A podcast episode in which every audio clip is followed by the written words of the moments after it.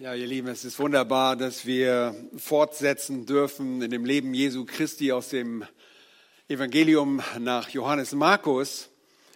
Und äh, es ist einfach ein besonderes Vorrecht, dass wir genau wissen, was Jesus auf der Erde tat, als er hier war. Wir sehen, dass er sich eine Gruppe von Männern zurüstet, die, die zukünftig die Verantwortung übernehmen sollen für die Gemeinde, die bis zu diesem Zeitpunkt noch ein Geheimnis ist. Aber diese Männer rüstet dazu und manchmal können wir denken, oh, schafft er das jemals? Weil diese Männer scheinen sich wirklich anzustellen und wir werden oft daran erinnert, dass wir eigentlich genau so sind. Dass wir langsam lernen, so wie die Jünger langsam gelernt haben. Und wir erkennen dabei, dass ihr Glaube unvollständig ist, dass sie schwachen Glauben hat. Und Jesus äh, ermahnt sie sogar deshalb. Er sagt ihnen, oh, seid ihr, habt ihr so eine harten Herzen. Und er ist sogar entrüstet darüber, dass sie so langsam sind zu begreifen. Und ich denke so manches Mal, der Herr muss auch entrüstet sein über mein Leben, wenn ich so langsam bin im Lernen.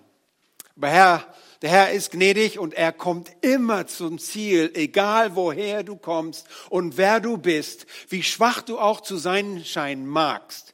Der Herr kommt mit dir immer zum Ziel. Wenn du das nicht glaubst, dann glaubst du an den falschen Gott. Weil unser Gott kann alles. Er macht keinen Unterschied, ob du schwach bist oder ob du meinst, dass du stark bist. Er kommt immer mit dir zum Ziel. Wenn du sein Kind Gottes bist, wenn du ein Kind bist und wenn du ihm nachfolgen wirst, wird er aus dem Leben was machen. Ob du das glauben kannst oder nicht, er tut es. Nun, im Markus Evangelium Kapitel 9 haben wir gelesen, dass Jesus sich damit beschäftigt hat, die Jünger zurechtzuweisen. Nun, äh, das tut er eigentlich schon die ganze Zeit. Er lehrt sie schon die ganzen Jahre über, Sie begleiten ihn auf den Reisen. Zunächst äh, haben wir selbst nicht betrachtet, weil das Markus-Evangelium Galiläa beginnt, aber wir sehen äh, Jesus zunächst in Judäa und Jerusalem, aber dann später in Galiläa. Und wir beobachten ihn auf seinen Reisen und seine Jünger beobachten sie ihn. Äh, sie sind dabei, sie lernen. Sie haben eine, eine Gegenstandslektion in dem Leben Jesu Christi. Und er belehrt sie jetzt, nachdem der öffentliche Dienst in Galiläa vorüber ist, der ist abgeschlossen, er ist dabei, sich Richtung Jerusalem zu wenden. Wir sind wenige Monate vor der Kreuzigung, vor dem Tod unseres Herrn Jesus Christus. Und er widmet diesen Jüngern jetzt einige spezielle Privatstunden. Er gibt ihnen ein paar Privatstunden Unterricht. Und sie reisen und sie reisen. Und äh, bei der letzten, bei der letzten Begebenheit haben wir beobachtet, dass Jesus sie ihrer Selbstbezogenheit überführt. Er erklärte ihnen ein zweites Mal, was die wichtigste Wahrheit des Evangeliums ist. Das war in Kapitel 9 übrigens die zweite Leidensankündigung. Dort sagt er ihnen, was jetzt äh, für ihn dran ist und sie kapieren das einfach nicht. Sie sind begriffsstutzig, wollen das auch nicht wahrhaben. Sie haben ganz andere Vorstellungen. Sie denken, er muss das Reich aufbauen und sie werden an seiner Seite triumphieren. Aber Jesus wiederholt das sehr deutlich in Kapitel 9, 30 bis 32. Und dann überführt er sie auch ihrer Selbstbezogenheit durch eine ganz geschickte Frage. Er fragt sie nur, ohne dass sie antworten, worüber habt ihr eigentlich gesprochen? Und sie haben darüber verhandelt, wer der Größte sei. Nun, das ist äh, etwas peinlich, wenn man darüber redet, wer der Größte im Reich Gottes sei. Jesus überführt sie und gibt ihnen sofort eine Lektion. Und er erklärt ihnen, was wahre Größe in der Nachfolge bedeutet.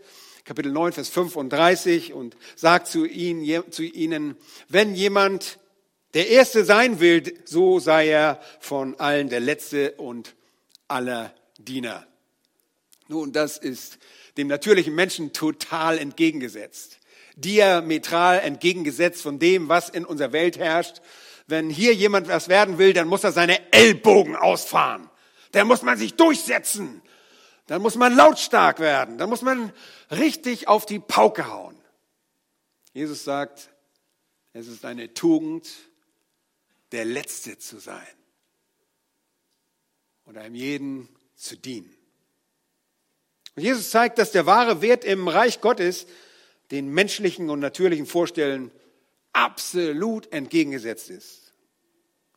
Es ist nicht der vorlaute Drängler, der durchsetzungsfähige Choleriker, nicht der sich von anderen auch Bedienung verwöhnen lässt, steht bei Gott hoch im Kurs. Nein, es ist der demütige, es ist der gebeugte, es ist der reumütige und geistliche einsichtige Mensch, der jetzt anderen dient, der von sich selbst wegsieht auf andere und das Wohl des anderen vor Augen hat, der, der soll im Reich Gottes der Erste sein. Daran musste Jesus seine Jünger belehren. Denn ihre selbstbezogenen Züge kommen in ihrem Verhalten immer und immer und immer wieder bis zuletzt im oberen Saal zum Ausdruck. Und so belehrt er sie diesbezüglich durch Worte, aber auch durch das eigene Leben. Jesus gibt nicht nur theoretische Worte, eine Art der Belehrung, die nur die Theorie betrifft. Diese Art der Belehrung geht jetzt in dem neunten Kapitel des Markus-Evangeliums und auch im zehnten Kapitel genauso weiter. Er lebt es ihnen direkt vor. Tatsache ist, dass das ganze irdische Leben dazu dient, allen Jüngern ein Vorbild in dieser Hinsicht zu hinterlassen. Der Glaube der Jünger, so wie es unser Glaube auch oft ist, oft ist, ist unvollständig und sie, so auch wie, wie auch wir, werden von unserem Meister geschult. Wir werden unterwiesen. Und das ist eine Unterweisung, die wir wirklich selbst heute so nötig haben. Denn unser Denken wird häufig so ähnlich geprägt wie einst das Denken der Jünger Jesu. Wir drehen uns so sehr um uns selbst, dass es schon nicht mehr feierlich ist. Das selbstbezogene Denken wird in der Christenheit durch das, die weit verbreitete Psychologisierung im Evangelikalismus gestützt. Es geht um die Betonung des Selbstwertgefühls, um, und Selbstverwirklichung wird propagiert und gepriesen. Damit ist man abgerückt von dem, was Jahwe Gott für uns als Kinder Gottes für richtig erachtet. Lasst uns aber die Lektion Jesu, den zweiten Teil, ansehen im Lichte des unvollständigen Glaubens. Und da geht es darum, statt dich selbst den anderen zu sehen, statt dich selbst den anderen zu sehen, dem anderen dienen, könnte man auch äh, an dieser Stelle hinzufügen. Lass mich noch vor der Predigt den Herrn um Hilfe bitten. Herr, sprich du durch dein Wort zu uns. Wir erkennen, dass wir genauso Unterweisung brauchen wie einst deine Jünger. Wir brauchen immer wieder Zurechtweisung. Wir brauchen immer wieder die Ermutigung, das zu tun, was in deinen Augen recht ist. Nicht, was wir fühlen oder denken oder andere von uns erwarten. Wir wollen tun, was du willst. Hilf uns dabei und erweise uns um deines Namens willen. Amen. Und so lesen wir die Verse 36 bis 50 in Kapitel 9. Verse 36 bis Vers 50 in Kapitel 9. Und er, das ist Jesus, nahm ein Kind und stellte es mitten unter sie. Und nachdem er sie in die Arme es, dem er es in die Arme genommen hatte, sprach er zu ihnen, wer ein solches Kind in meinen Namen aufnimmt, der nimmt mich auf. Und wer mich aufnimmt, der nimmt nicht mich auf, sondern den, der mich gesandt hat. Johannes aber antwortete ihm und sprach, Meister, wir sahen ein, der uns, der uns nicht nachfolgt, in deinem Namen Dämonen austreiben, und wir wehrten es ihm, weil er uns nicht nachfolgt. Jesus aber sprach, wehrt es ihm nicht. Denn niemand, der in meinem Namen ein Wunder tut, wird mich bald darauf schmähen können. Denn wer nicht gegen uns ist, der ist für uns. Denn wer euch einen Becher Wasser in meinem Namen zu trinken gibt, weil ihr Jesus angehört, wahrlich, ich sage euch, ihm wird sein Lohn nicht ausbleiben. Vers 42. Wer aber einem der Kleinen die an mich glauben, Anstoß zur Sünde gibt, für den wäre es besser, dass ein Mühlstein um seinen Hals gelegt und er ins Meer geworfen würde. Und wenn deine Hand für dich ein Anstoß zur Sünde währt, so haue sie ab. Es ist besser für dich, dass du als Krüppel in das Leben eingehst, als dass du beide Hände hast und in die Hölle fährst, in das unauslöschliche Feuer. Vers 44 ist in den besseren Manuskripten, so wie Vers 46, nicht enthalten. Ist wahrscheinlich eine Verschönerung eines Kopiisten, eines, äh, eines Schreibers, der das zugefügt hat, um das zu verstärken. Aber die ältesten Handschriften haben das nicht. Da heißt es, wo ihr Wurm nicht stirbt und das Feuer nicht erlischt. Das sehen wir in Vers 48 und äh, es wird nur einmal in den älteren Handschriften erwähnt. Und so lasse ich das jetzt auch in Vers 46 aus. Vers 45. Und wenn dein Fuß dich für dich ein Anstoß zur Sünde wird, so hau ihn ab. Es ist besser für dich, dass du lahm in das Leben hineingehst, als dass du beide Füße hast und in die Hölle geworfen wirst, in das unauslöschliche Feuer. Vers 47. Und wenn dein Auge für dich ein Anstoß zur Sünde wird, so reiß es aus. Es ist besser für dich, dass du einäugig in das Reich Gottes eingehst, als dass du zwei Augen hast und in das höllische Feuer geworfen wirst, wo ihr Wurm nicht stirbt und das Feuer nicht erlischt. Denn jeder muss mit Feuer gesalzen werden, wie jedes Opfer mit Salz gesalzen wird. Das Salz ist etwas Gutes. Wenn aber das Salz salzlos wird, womit soll, wird, wollt ihr es würzen? Habt Salz in euch und haltet Frieden untereinander. Soweit. Hier in diesen Versen knüpft Jesus an diese Größe in der Nachfolge an und er lehrt weiter. Die Belehrung geht weiter über die Demut, die er bereits in Vers 35 angesprochen hat, dass nämlich der Letzte der Erste sein wird. Und jetzt geht er voran und lehrt sie weiter. Jesus erklärt in den Versen 36 bis 41 den Demutsdienst. Es ist ein mittelbarer Demutsdienst an sich selbst. Mittelbar heißt über Umwege. Es ist kein direkter. Wenn ich etwas unmittelbar tue, dann tue ich das an der, direkt an einer Person. Mittelbar ist, ist es über Umwege.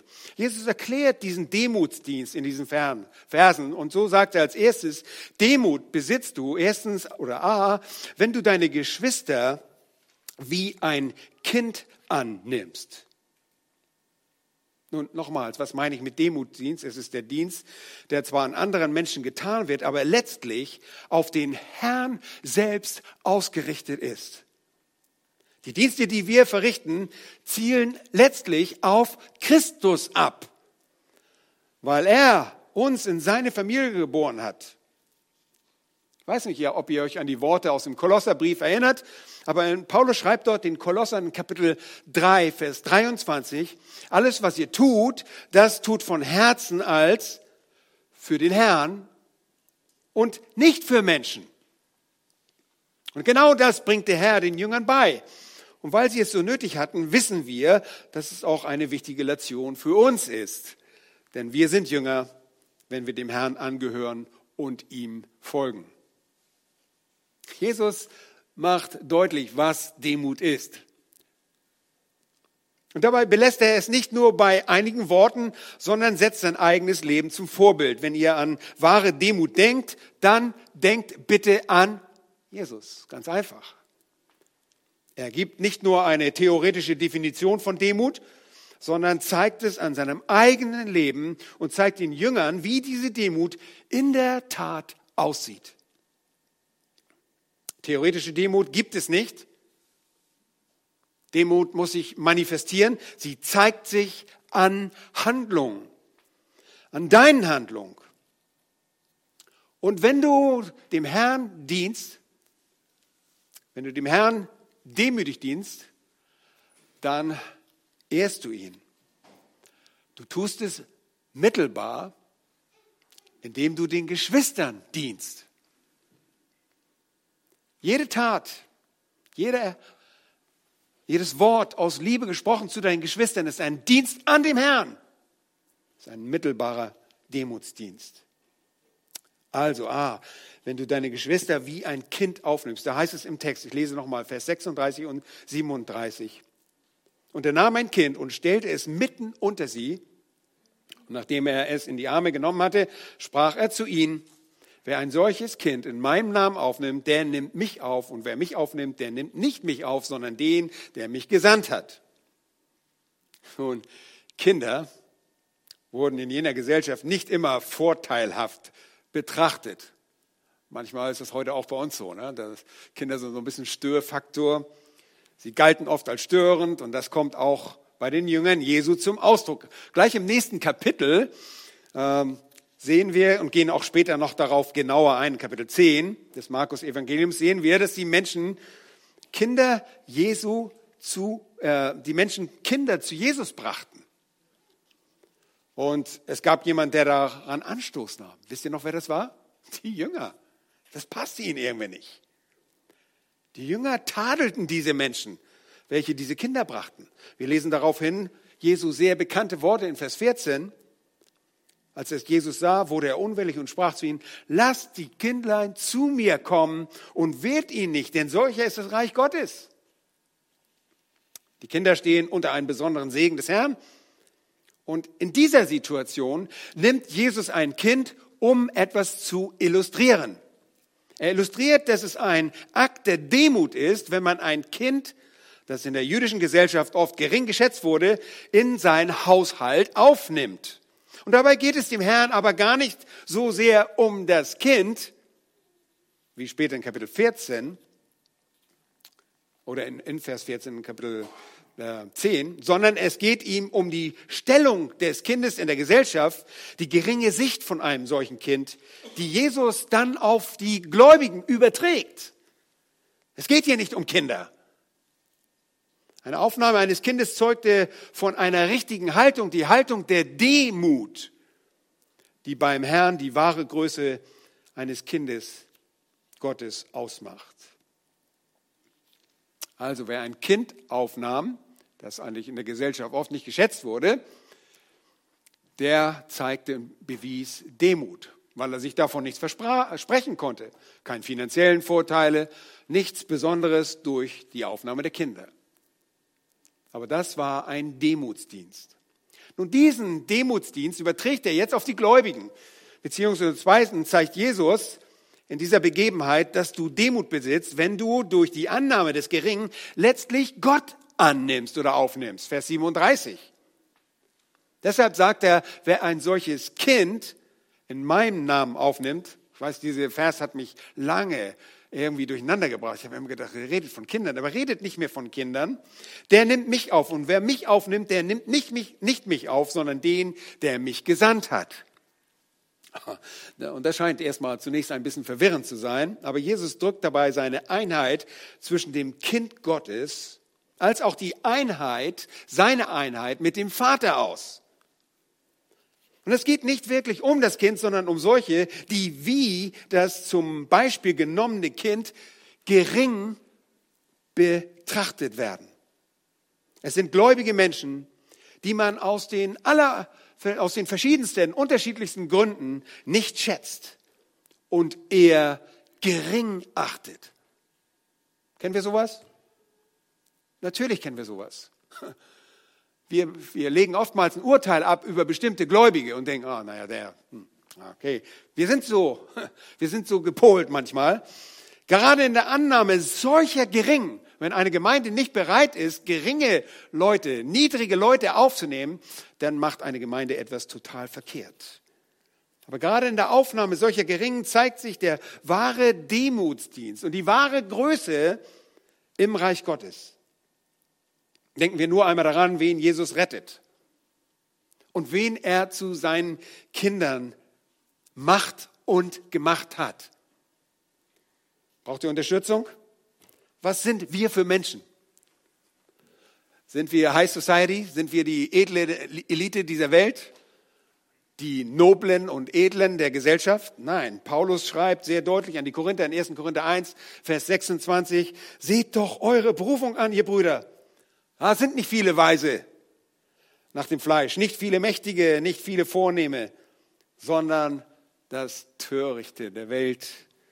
Nicht viele Vornehme, sondern das Törichte der Welt hat Gott erwählt, um die Weisen zu Schande zu machen. Um das Schwache der Welt hat Gott erwählt, um das Starke zu Schanden zu machen. Und das Unedle der Welt, das Verachtete hat Gott erwählt. Und das, was nichts ist, damit er zunichte mache, was etwas ist, damit sich vor ihm kein Fleisch rühme. Gott der Vater erwählte uns durch Jesus Christus sein Eigentum zu sein. Und das tat er nicht auf der Grundlage unserer Bedeutsamkeit, wie wichtig wir sind, was für eine tollen Typen wir sind. Ganz im Gegenteil, wir gucken uns an und denken, wie kann er mich überhaupt zu seinem Kind gemacht haben? Unglaublich. Es ist nicht auf der Grundlage unserer Wertigkeit oder unserer Errungenschaften. Und der Text ist klar, das Schwache der Welt hat Gott erwählt. Nun kommen wir und wir urteilen, obwohl Gott uns als Schwache aufgenommen hat und wir eigentlich erkennen müssen, dass wir alle schwach sind und dass keiner aus sich selbst zu Gott kommen kann. Aber wir machen wieder Kategorien. Wir sehen den einen als besonders stark und den anderen als schwach.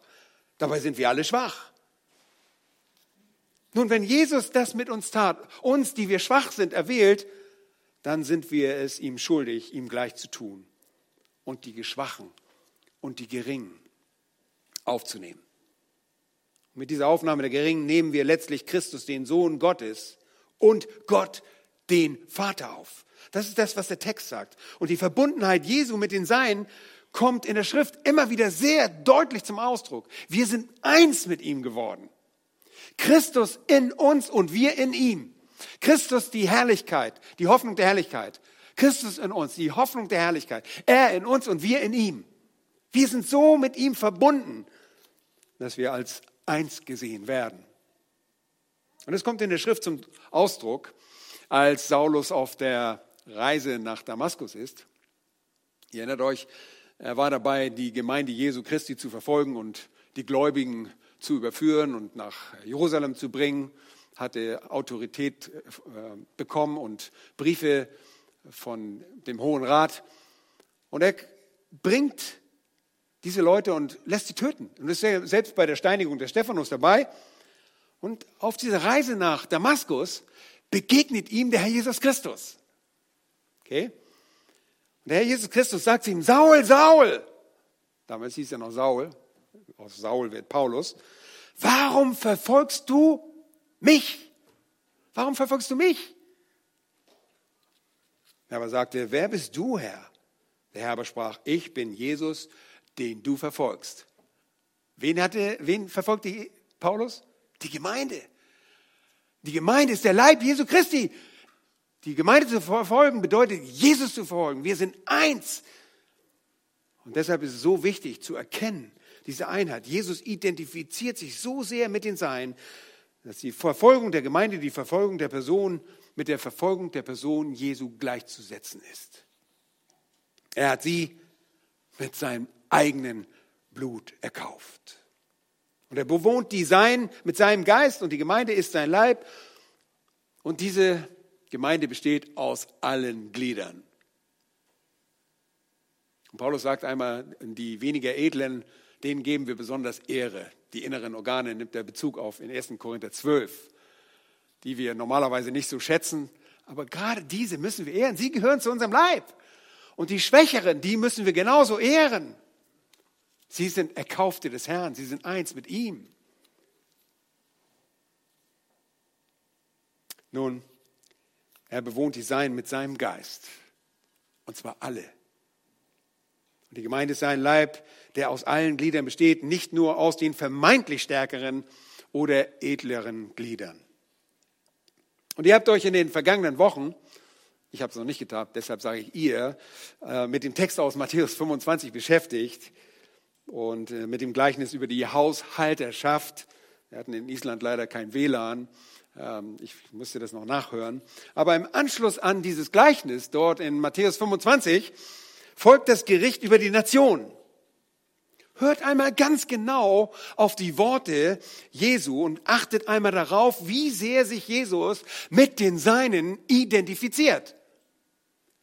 Und das ist das Gericht der Nation zu Beginn des Friedensreiches, okay, nach, dem, nach der Trübsalzeit. Da heißt es in Matthäus 25, 31, wenn aber der Sohn des Menschen in seiner Herrlichkeit kommen wird und alle heiligen Engel mit ihm, dann wird er auf dem Thron seiner Herrlichkeit sitzen und vor ihm werden alle Heidenvölker gesammelt werden. Und er wird sie voneinander scheiden, wie ein Hirte die Schafe von den Böcken scheidet. Und er wird die Schafe zu seiner Rechten stellen, die Böcke aber zu seiner Linken. Dann wird der König denen zu seiner Rechten sagen, kommt her, ihr Gesegneten meines Vaters, erbt das Reich, das euch bereitet ist seit Grundlegung der Welt. Jetzt hört mal genau hin, Vers 35. Denn ich bin hungrig gewesen und ihr habt mich gespeist. Ich bin durstig gewesen und ihr habt mir zu trinken gegeben. Ich bin ein Fremdling gewesen und ihr habt mich beherbergt. Ich bin ohne Kleidung gewesen und ihr habt mich bekleidet. Ich bin krank gewesen und ihr habt mich besucht. Ich bin gefangen gewesen und ihr seid zu mir gekommen. Dann werden ihm die Gerechten antworten, das sind die Kinder Gottes, und sagen, Herr, wann? Wann haben wir dich hungrig gesehen und haben dich gespeist oder durstig und haben dir zu trinken gegeben? Völlig überrascht. Wann haben wir dich als fremdlich gesehen und haben dich beherbergt?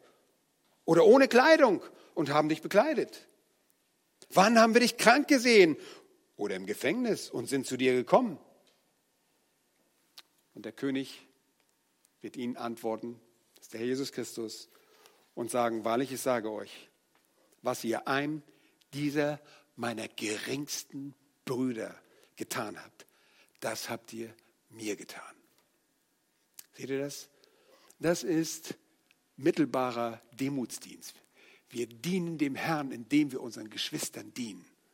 Das ist das, was der Herr will. Das ist der Dienst an ihm. Es gibt nicht immer nur direkter Dienst im Gebet, sondern wir dienen den Geschwistern, wir dienen dem Leib und dienen da den Herrn. Und dann wird auch den äh, zur Linken sagen, geht hinweg von mir, ihr Verfluchten, in das ewige Feuer, das dem Teufel und seinen Engeln bereitet ist. Denn ich bin hungrig gewesen und ihr habt mich nicht gespeist. Jetzt kommt der Umkehrschluss. Ich bin hungrig gewesen, ihr habt mich nicht gespeist, ich bin durstig gewesen und ihr habt mir nichts zu trinken gegeben. Ich bin ein Fremdling gewesen und ihr habt mich nicht beherbergt. Ohne Kleidung und ihr habt mich nicht gekleidet. Krank und gefangen und ihr habt mich nicht besucht. Dann werden auch sie ihm antworten und sagen, Herr, wann haben wir dich hungrig und durstig oder als Fremdling oder ohne Kleidung oder krank und gefangen gesehen und haben dir nicht gedient? Vers 45, dann wird er ihnen antworten, wahrlich, ich sage euch, was ihr einem dieser Geringsten nicht getan habt, das habt ihr mir auch nicht getan. Seht ihr, Jesus erklärt diesen Jüngern, die gerade im Gerangel und in Verhandlungen sind, wer der Größte im Reich Gottes ist, was wahre Größe ist dass man den anderen im Auge haben soll, nicht sich selbst, nicht das eigene Vorteil, einen eigenen Vorteil zu suchen, sondern den anderen höher zu achten, wie Paulus es auch ausdrückt im Philipperbrief Kapitel 2, den anderen höher zu achten als sich selbst. Und diejenigen, die das sagen, da heißt es wahrlich, sage ich, was ihr einem dieser Geringsten nicht getan, das habt ihr mir nicht getan, und sie werden in die ewige Strafe hineingehen hingehen, die Gerechten aber in das ewige Leben. Sehr eindrücklich, den Geringen. Und das illustriert er anhand dieses Kindes, das er nimmt und in ihre Mitte stellt und auf die Gläubigen anwendet. Einen dieser schwachen Gläubigen annimmt. Dienst du dem Herrn. Drittens zeigt Jesus in der Begebenheit, dass du Demut besitzt, wenn du die Dienste anderer wertschätzt. Schaut mal in die Verse 38 bis 40. Da antwortet Johannes, und das ist angeblich wohl die einzige Stelle, wo er äh, mal allein etwas sagt in den Evangelien, in den Synoptikern. Johannes scheint wohl hier vom äh, Gewissen überführt zu sein und er sagt, antwortet ihm, sprach, Meister, wir seien ein, der uns nicht nachfolgt, in deinem Namen Dämonen austreiben und wir werden es ihm, weil er uns nicht nachfolgt. Jesus aber sprach, wird es ihm nicht. Denn niemand, der in meinem Namen ein Wunder tut, wird mich bald darauf schmähen können. Denn wer nicht gegen uns ist, der ist für uns. Vielleicht überführte der Herr den Johannes in seinem Gewissen davon, dass das, was die Jünger mit diesem Exorzisten, mit diesem Dämonenaustreiber tat, äh, falsch war. Und der Text sagt, dass sie zuvor jemanden begegnet waren, der Dämonen im Namen Jesu austrieb. Und in ihrer Empörtheit darüber, dass jener das tat, ohne ein Teil ihrer Jesus nachfolgenden Gruppe zu sein, ohne Jünger Jesu zu sein, hinderten sie ihn an dem Dienst. Offensichtlich war der Dienst dieser Person ein Dienst, den Jesus akzeptierte. Es war ein Dienst, der also fruchtete, der Erfolg hatte. Das war ein erfolgreicher Dienst der Dämonenaustreibung. Denn es sagt, wehrt es ihm nicht. Jesus lässt ihm gewähren, denn niemand, der in meinem Namen ein Wunder tut, wird bald darauf geschmäht, äh, schmähen können, mich bald darauf schmähen können.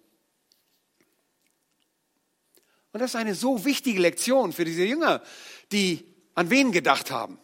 An sich selbst. Sie dachten nur an sich selbst. Sie wären das Nonplusultra. Sie kämpften um die edelsten, vornehmsten Plätze. Und die Donnersöhne schickten sogar die Mama vor. Die haben gesagt, Mama, kannst du nicht mal mit Jesus, er ist doch mit dir verwandt da, kannst du nicht mal was aushandeln, dass einer rechts und einer links sitzt. Und sie denken nur, dass was sie tun, das Richtige ist. Oh, das ist eine so wichtige Lektion, die die Jünger und auch wir als Jünger Jesu lernen müssen. Wenn der Dienst im Namen Jesu, das heißt seinem Willen gemäß geschieht, dann ist es egal, was du davon denkst dann ist es egal, wenn ihr bestimmte Dienste vielleicht, wenn, die, wenn sie dir befremdlich vorkommen oder du eine Person nicht so leiden kannst, sie nicht aus deinen eigenen Reihen stammt. Nun, wenn du so denkst, wenn du auch anderen Leuten, die im Namen Jesu etwas tun, hindern willst, dann gibt es nicht ein Problem bei der anderen Person, sondern dann hast du ein Problem. Und das hatten die Jünger. Sie hatten ein Problem. Sie glaubten, sie, wären die absolute Sahne, die Krönung. Lieben, Jesus gebraucht Menschen, die seinen Willen tun. Auch in anderen Gemeinden, anderen Denominationen, durch andere Christen und andere Kinder Gottes. Wir sind nicht das Flaggschiff des Dienstes in der Bibelgemeinde Berlin. Bitte, denkt niemals so. Wir sind nicht ein exklusiver Dienstclub. Demütig und dankbar können wir anerkennen, dass Jesu Jünger in der ganzen Welt dienen und dass er sie dort hat, die seinen Willen tun. Auch wenn sie nicht gerade unseren Stallgeruch haben, wenn sie nicht gerade nach Bibelgemeinde riechen. Wir dürfen uns sogar freuen, dass es andere Menschen, Geschwister gibt, die oft viel Frucht erleben und viel eine große Ernte einfahren dürfen. Wir freuen uns damit. Wir freuen uns, wenn andere Menschen im Segen stehen. Hier unterscheidet nicht deine Vorliebe für jemanden oder die Methodik im Dienst, die jemand anwendet, die Form der Anbetung, sondern ob ein Dienst biblisch ist oder nicht. Und offensichtlich hat das diese Person getan. Er tat es im Namen Jesu. Im Namen Jesu heißt in Übereinstimmung mit seinem Willen. Wenn Dinge von anderen im Namen des Herrn getan werden, dann heißt, das heißt, diese Dinge entsprechen dem Willen des Herrn. Denn diese Person ist für uns, sagt Jesus. Wer für uns, wenn jemand nicht gegen uns ist, dann ist er für uns.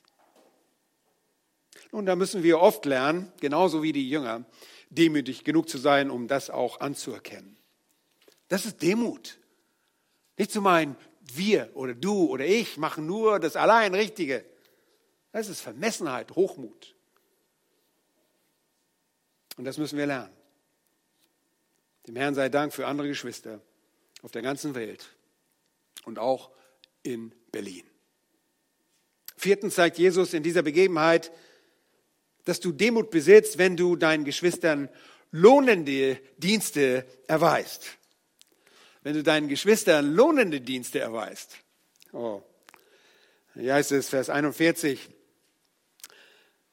denn wer euch einen Becher Wasser in meinem Namen zu trinken gibt, weil ihr Christus angehört, wahrlich, ich sage euch, ihm wird sein Lohn nicht ausbleiben. Wir haben das gerade schon gesehen in Matthäus 25, dass das Tränken und das Besuchen, das äh, Speisen von anderen Menschen in Notlagen ein Dienst am Herrn ist.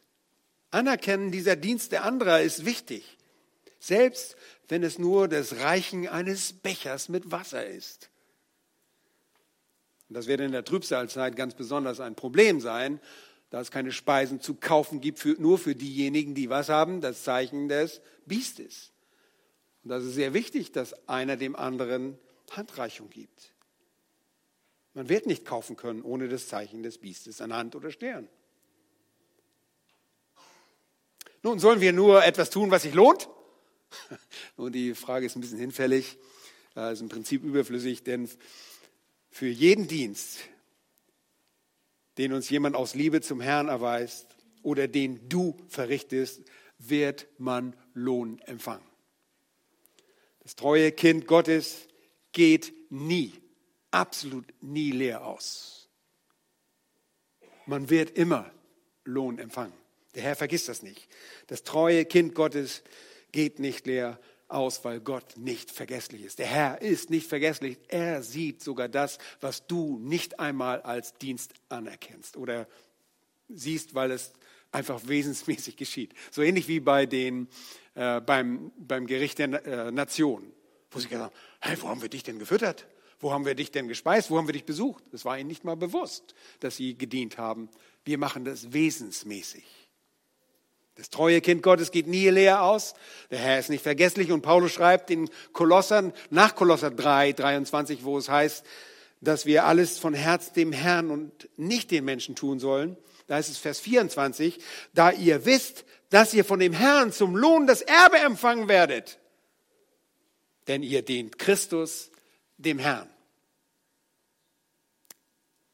Seht ihr, ein Becher Wasser wenn dir jemand ein Becher Wasser reicht, ist es ein Dienst, der belohnt wird. Und das ist nicht so, dass wir jedes Mal spekulieren und sagen, oh, jetzt mache ich was, ich kriege da irgendwo Lohn dafür und mein Bankkonto im Himmel wird sich irgendwie drastisch erhöhen. Wisst ihr, was der größte Lohn an sich schon ist? Dass wir den Herrn sehen werden. Aber es wird ein großer Lohn sein, wenn wir das Reich Gottes erben und mit Christus auch in seinem Reich auf Erden herrschen werden. Wir werden mit ihm herrschen. Die Offenbarung ist sehr deutlich. Tausend Jahre und sein Reich hat kein Ende. Es geht ins ewige Reich über. Jeder Dienst mit einem veränderten Herzen als ein Kind Gottes ist, wenn wir nicht in Sünde leben, ein Dienst für den Herrn Jesus Christus. Und das geschieht tatsächlich wesensmäßig. Mich ermutigt das, wenn, wenn ich Leute sehe, die sagen, ah, ich, ich habe gar keinen Dienst und ich, und ich weiß ganz genau, boah, die Person dient da und die dient hier an der Stelle und, und ich sehe Dinge, die sie gar nicht sehen, die sie eigentlich schon tun. Kennt ihr das auch? Und sagen, ich habe gar keine Dienste, ich mache ja gar nichts hier in der Gemeinde. Oh, ich sage, wen hast du denn da gerade wieder eingeladen? Und das ein. Und die haben da ständig, machen sie irgendwas und, und bringen Leuten die Botschaft und sonst.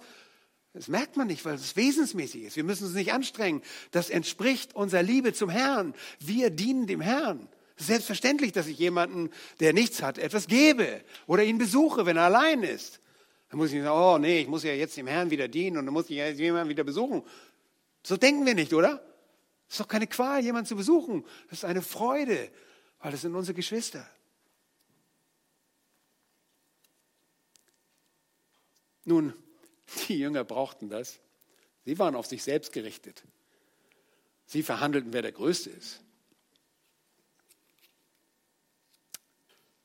Sie sollten das erleben. Auch dieses wesensmäßige Handeln.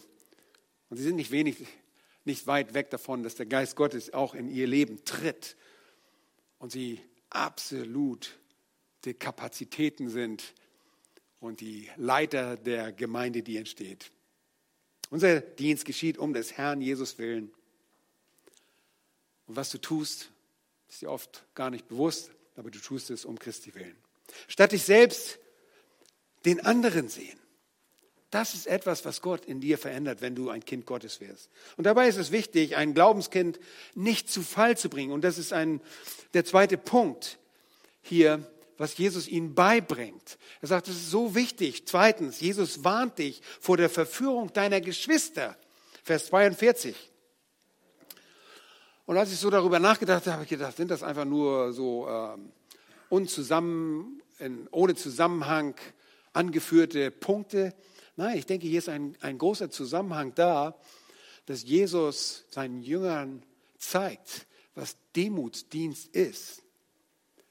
Und wenn wir demütig sind, können wir nicht unsere Geschwister verführen zur Sünde.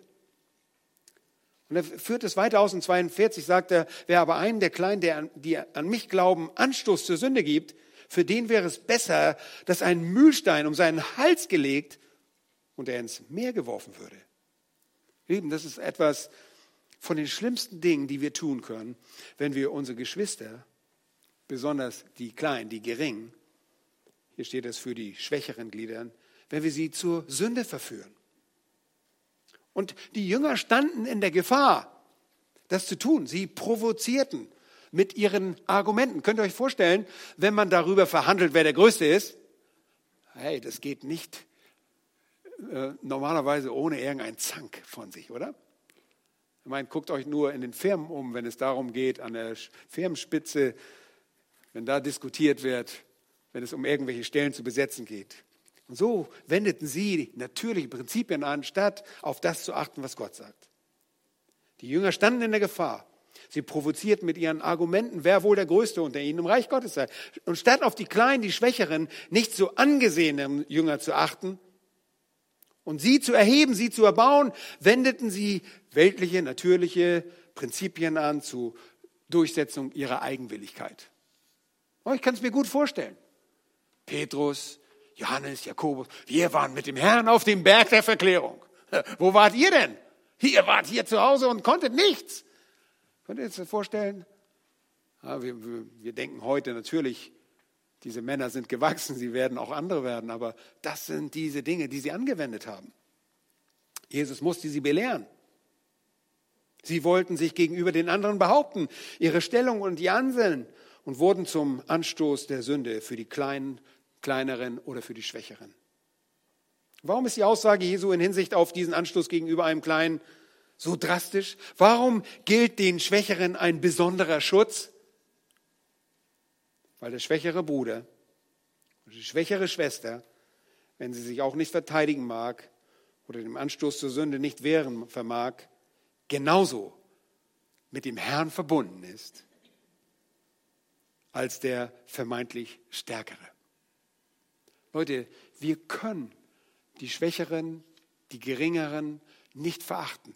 Sie sind genauso mit dem Blut Jesu Christi erkauft. Er ist genauso mit ihnen eins wie mit anderen. Die vermeintlich Stärkeren sind in diesem Fall vielleicht sogar die Schwächeren, weil sie das falsch einschätzen. Der Stärkere ist hier nicht unbedingt die geistlichere Person, es ist vielmehr die selbstverführte Person, die sich auf bestimmte Errungenschaften etwas einbildet. Grundsätzlich gilt das Prinzip, dass Gott alle Geschwister schützt. Wir sind in ihm geborgen und mit ihm vereint. Wir sollen niemanden zum Anstoß sein. Das ist eine ernste Warnung, weil wir dadurch gegen den Herrn selbst sündigen. Seht ihr, ein Anstoß zur Sünde gegenüber Geschwistern stellt letztlich einen Angriff Jesus gegenüber dar. Wir haben schon von der Verbundenheit mit ihm gesprochen. Leider waren wir wohl schon alle mehrmals der Grund zum Anstoß zur Sünde. Und das kann auf die verschiedenste Art und Weise geschehen. Wir können nicht nur durch fehlgeleitete Ambition, eine fehlgeleitete Theologie oder Dogmatik, sondern durch Stolz oder auch dem anderen gegenüber moralisch schuldig werden. Wir müssen uns vor jeder Form der Verführung von Geschwistern hüten und selbst kein Anstoß sein. Die Androhung für einen Anstoß zur Sünde sollte uns von aller Boshaftigkeit zurückschrecken lassen.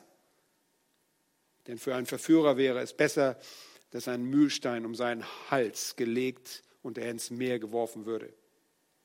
Ihr Lieben, das ist ein schreckliches Todesurteil. Ein Mühlstein war nicht etwa ein schöner, plüschiger Schwimmring, sondern ist ein schwerer Mahlstein, der zum Mahlen von Weizen bzw. Oliven eingesetzt wurde und richtig Gewicht hatte. Den an deinem, an Hals zu hängen ist nicht ein kleines Kettchen, ein Schmuckkettchen, sondern reißt dich tief, tief runter in das Meer. Das ist der sichere Tod. Mühlsteine sind schwere, bewegliche Teile. Und sie, um einen Hals zu bekommen, ist der garantierte, grausame Tod des Ertrinkens. Ihr lieben, Sünde hat immer den Tod zur Folge. Der Sündelohn ist der Tod und wir alle brauchen deshalb Vergebung. Wir alle brauchen Vergebung.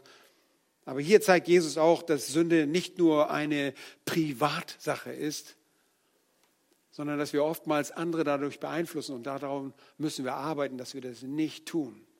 Deine schlechte Einstellung, dein verkehrtes Reden, dein falsches Denken, vielleicht deine äh, physische Verführung, all das müssen wir kontrollieren.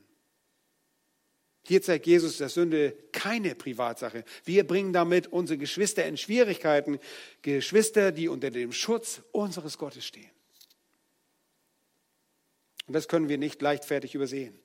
Das sollten die Jünger nicht leichtfertig übersehen. Das ist keine Lappalie, ist keine Nebensächlichkeit. Es ist von daher wichtig, dass du mit deiner eigenen Sünde radikal umgehst. Dann deine persönliche Sünde führt dazu, dass du auch andere beeinflusst. Und das ist das Dritte. Jesus fordert deine umfassende Opferbereitschaft. Das fordert er von den Jüngern. Wir sind Jünger, deshalb fordert er es genauso von uns. Schaut die Verse 43 bis 48 an. Und er sagt, wenn deine Hand für dich ein Anstoß zur Sünde wird, so hau sie ab. Autsch, das tut weh. Ja, mehr noch als das. Es ist besser für dich, dass du als Krüppel das Leben eingehst, als dass du beide Hände hast und in die Hölle fährst in das unauslöschliche Feuer. Vers 45. Und wenn dein Fuß für dich ein Anstoß zur Sünde wird, so hau ihn ab. Es ist besser für dich, dass du lahm in das Leben eingehst, als dass du beide Füße hast und in die Hölle geworfen wirst, in das unauslöschliche Feuer. Da soll mal jemand sagen, es gibt keine Hölle. 47. Und wenn dein Auge für dich ein Anstoß zur Sünde wird, so reiß es aus. Es ist besser für dich, dass du einäugig in das Reich Gottes eingehst, als dass du mit zwei Augen hast und in das höllische Feuer geworfen wirst, wo ihr Wurm nicht stirbt und das Feuer nicht erlöscht. Das ist ein Ausdruck der höllischen Qualen. Ein Zitat aus Jesaja 66, der auf dem letzten Vers, in dem letzten Kapitel aus Jesaja. Über alles Gottlose, die gegen ihn rebelliert werden, wird dieses Urteil ergehen. Statt dich selbst sollst du den anderen sehen. Und dafür die eigene Disziplin und ist das eigene Opfer wichtig. Die eigene Disziplin, die eigene Hingabe. Im Wandel und in der Nachfolge kommt die Sünde leider immer wieder ins Spiel. Wir haben das auch in Römer 7 gelernt, am Mittwochabend. Sünde, der wir gestorben sind, hat noch einen Einfluss auf unser Leben. Warum? Sie kommt durch die Glieder unseres Todesleibes in unser Leben. Unsere unerlöste Menschheit neigt immer noch dazu, dass wir durch die Sünde gefangen genommen werden, dass wir uns gefangen nehmen lassen, obwohl wir es nicht müssen. In unserem Text stehen drei Körperteile. Diese drei Körperteile sind repräsentativ für den ganzen Todesleib. Die Hände, Fuß und die Augen. Sind die prominentesten Glieder des Leibes, die beim Sündigen involviert sind. Ja, mit den Händen können wir viele Dinge machen, die wirklich sündig sind. Mit den Füßen können wir dorthin gehen, wo wir sündigen können. Mit den Augen können wir uns sündige Dinge anschauen. Sie stehen aber nur beispielhaft dafür. Wenn jetzt Jesus sagt, geh hin und haue deine Hand ab. Dann haben das leider einige Mönche falsch verstanden im Mittelalter und haben sich selbst äh, modelliert, wie sagt man, mehr, selbst, ähm, wie sagt man dazu? Verstümmelt, selbst verstümmelt, genau. Man haben sich selbst verstümmelt. Aber wisst ihr was? die waren noch genauso verdorben mit einer Hand. Und die haben sich noch ganz andere Teile abgeschnitten. Autsch, sage ich da nur. Und die waren trotzdem noch pervers in ihrem Kopf. Die haben sich ihre Füße abgehackt. Und in ihren Gedanken sind sie immer noch in Sünde gewesen. Die, du kannst ja auch dein Auge ein, ausreißen. Du kannst auch mit einem Auge sündigen. Lieben, das ist nicht der Punkt. Es geht nicht darum, dass Jesus sagt, ihr müsst euch alle selbst verstümmeln. Ich glaube, würde keiner hier mit einer Hand noch sitzen. Wir würden alle schon hier rumlaufen. Was ist denn in der Bibelgemeinde los? Ja, nein, es geht darum, dass wir radikal, so radikal, wie Jesus das hier sagt, eine Hand abhauen. Sag mal, meine Güte, du stimmt, das stimmt doch. Ich kann doch nicht meine Hand abhauen, kann ja doch gar nicht mehr arbeiten. Wie soll ich denn noch was tun? Wenn diese Hand dir ein Problem macht, wenn dir dein Körper in irgendeiner Art und Weise ein Problem macht, musst du radikal Maßnahmen ergreifen. Wenn du ein Problem hast mit der Zeit am Computer und du auf allen Dingen rumsurfst und von, von Spielen nicht mehr loskommst, dann muss dieser Computer weg. Du musst radikal sein. Wärst du dadurch besser? Nein. Aber es hindert dich daran, in dieser Sünde verstrickt zu bleiben weil du dem Herrn gefallen willst. Du musst drastische Maßnahmen ergreifen. Aber dann kann ich ja gar nicht mehr arbeiten. Ich brauche den Computer auch zur Arbeit. Ja, weißt du was? Deine Hand brauchst du auch zum Arbeiten. Deinen Fuß brauchst du auch zum Laufen. Dein Auge brauchst du zum Sehen. Du musst trotzdem radikal sein. Jesus fordert diese Opferbereitschaft. Um bei Jesus annehmbar zu sein, müssen wir radikal sein. Aber das ist nicht gemeint, dass wir uns selbst verstümmeln, sondern dass wir drastische Maßnahmen in unserem Leben ergreifen, um Dinge zu ändern, um unserem Gott zu dienen und ihm zu gefallen. Und die Jünger mussten das lernen. Die standen jetzt vor einer sehr dramatischen Szene. Ihr Herr würde getötet werden. Und wisst ihr was? Sie alle würden eines Tages, mit Ausnahme von Johannes, der auf Patmos in Exil gehen würde, sie würden alle den Märtyrertod sterben. Sie mussten alle bereit sein, Opfer zu bringen. In den letzten Versen wird die Opferbereitschaft der Jünger noch einmal aufgegriffen. In Vers 4, ich weiß gar nicht, wie die. Stimmt das mit der Uhrzeit da? Oh, meine Güte. Gut. Ich habe nicht mehr so viel. Bin fast fertig. Eieiei. Es wird nochmal aufgerufen. Sie ähm, er fordert, er nimmt die Uhr ab, Dankeschön, er fordert wahre Demut, ein, sich unter den Herrn und seinen Willen zu stellen, ist in der Nachfolge nicht wegzudenken. Wir müssen uns ihm unterwerfen. Und viertens heißt es, Jesus begründet die Notwendigkeit deiner Opferbereitschaft in den Versen 49 bis 50. Und das sind Vers, Verse, die nicht so einfach zu verstehen sind. Und ich habe viele Kommentatoren durchgelesen, man studiert es erstmal selbst und denkt, oh Mann, was ist das denn jetzt? Und es gibt so 14 oder 15 verschiedene Ansichten darüber, was das zu bedeuten hat. Verse 49 und 15. Er begründet die Notwendigkeit deiner Opferbereitschaft. Da heißt es, denn jeder muss mit Feuer gesalzen werden. Und der zweite Teil ist nicht in allen äh, Manuskripten enthalten, wie jedes Opfer mit Salz gesalzen wird. Vers 50 aber, das Salz ist etwas Gutes, wenn aber das Salz salzlos wird, womit wollt ihr es würzen? Habt Salz in euch und haltet Frieden untereinander. Und dann denkst du erstmal, oh meine Güte, was ist das denn? Nun, die Opferbereitschaft erstens macht dich annehmbar vor Gott. Nur mit Opferbereitschaft. Nur ganze Opferbereitschaft macht dich bei Gott annehmbar. Gott will keine halbe Sachen. Er will nicht nur, ah, ich, ich, das Christentum will ich noch irgendwie dazufügen. Ah, das brauche ich auch noch. Ich habe schon alles in meinem Leben. Oh, jetzt noch ein bisschen Christentum. Nein, Gott will deine komplette Opferbereitschaft. Und Opfer, das schmerzt manchmal. Opfer wurden verbrannt. Paulus sagt, wir sollen unsere Leibe als lebendige Opfer geben. Das ist unser vernünftiger Gottesdienst. Jeder muss, heißt es hier, was? Mit Feuer gesalzen werden. Offensichtlich. Man salzt nicht mit Feuer, oder? Man salzt mit Salz. Aber eine Hinzufügung ist hier, sind zwei Bilder. Hier haben wir einmal Salz und einmal Feuer. Feuer ist oft ein Bild von Gericht. Wie wir schon gesehen haben, dass diejenigen, die nicht bereit sind, konsequent nachzufolgen, die die Sünde tolerieren und nicht bereit sind, radikal die Sünde abzulegen, die werden in das Feuer gehen, wo der Wurm nicht stirbt, ja, und sie ewig gequält werden. Gut, Feuer ist zum einen das Bild für Gericht. Zum anderen ist es oft ein Bild für Reinigung, Verfolgung und Schwierigkeiten und das damit verbundene Opfer, das für ein Verharren in schwierigen Umständen benötigt wird. Ihr Lieben, was steht denn den Jüngern gerade bevor? Ist das jetzt ein Spaziergang, was sie erwartet?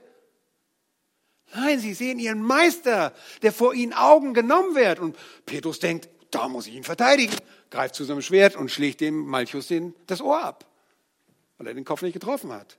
Ja. Sie sollen geprüft werden. Er steht für Reinigung. Er steht für, für Schwierigkeiten und die damit verbundenen Opfer, das für ein Verharren in schwierigen Umständen benötigt wird. Petrus nennt es auch die Feuerprobe. Okay?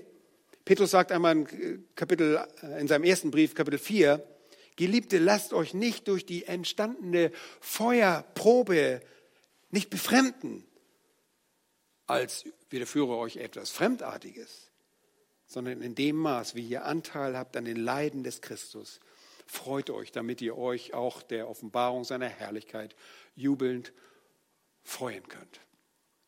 Nun, mit Feuer gesalzen, wir verstehen, wenn man etwas salzt, und ihr müsst verstehen, dass im Alten Testament Speisopfergaben und äh, ähm, Hebopfergaben gesalzt, mit Salz dargebracht werden. Man spricht auch von einem Salzbund im Alten Testament, der von der Treue, von der anhaltenden Treue Gottes redet.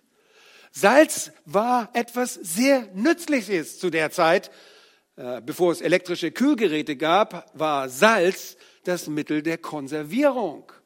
Man pökelte Fleisch, man pökelte Fische gerade aus Island gekommen und habe einen Salz, einen Stockfisch mitgebracht. Das sind Fische, die getrocknet werden und gesalzen werden und die sind haltbar. Nun, er spricht von der Treue Gottes.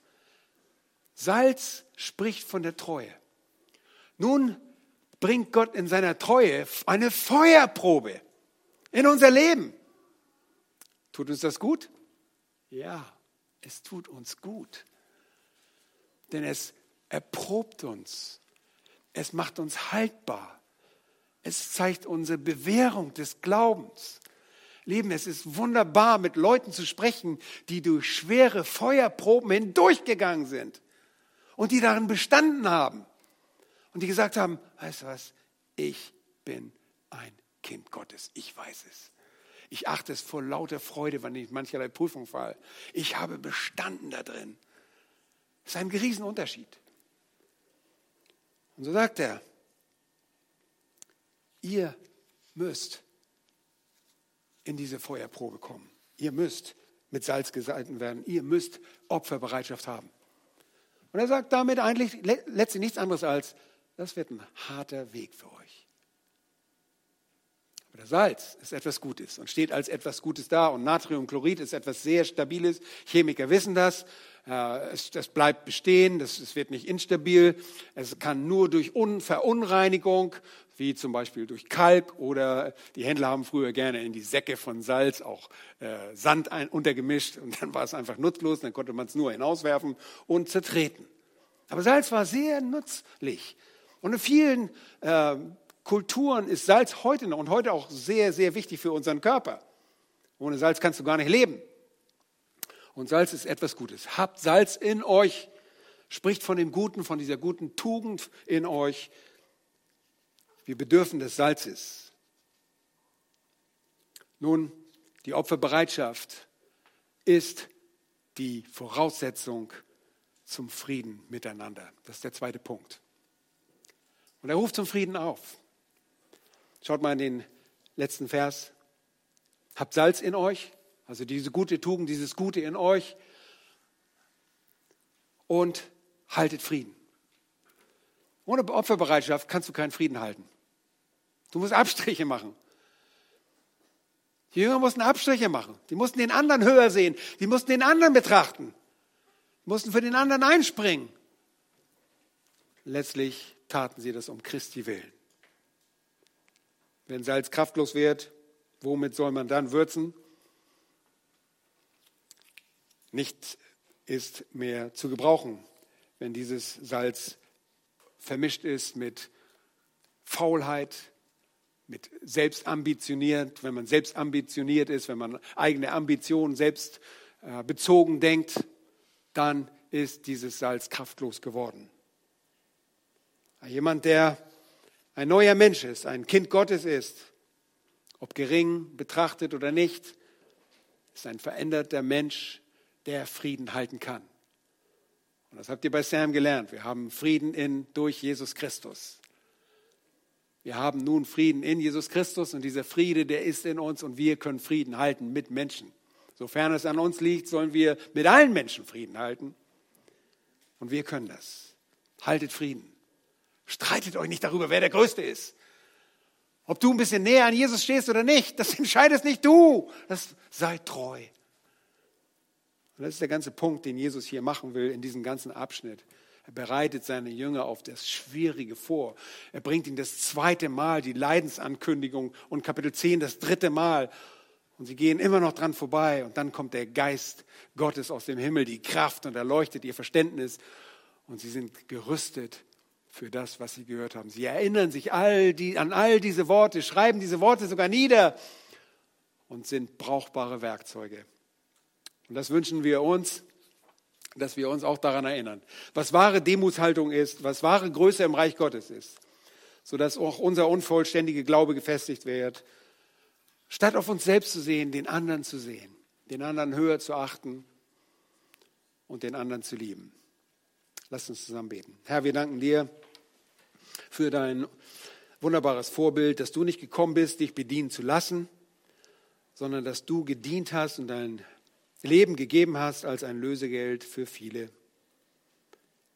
Ja, das ist rein menschlich gesehen so unverständlich, aber du hast uns erleuchtet und hast uns gezeigt, dass das die wahre Größe im Reich Gottes ist. Hilf uns auch, demütig zu sein. Herr, du siehst, dass unser Geist oft willig ist, aber unser Fleisch so schwach. Hilf uns, sei uns, äh, hilf uns bereit zu sein, opferbereit zu sein. Hilf uns äh, mit der Sünde ernst umzugehen radikal umzugehen, sie auszumerzen, sie zu töten in unserem Leben, damit du regieren kannst und wir etwas zum Lobpreis der Herrlichkeit deiner Gnade sein können. Dir sei Lobpreis und Ehre in Jesu Namen. Amen.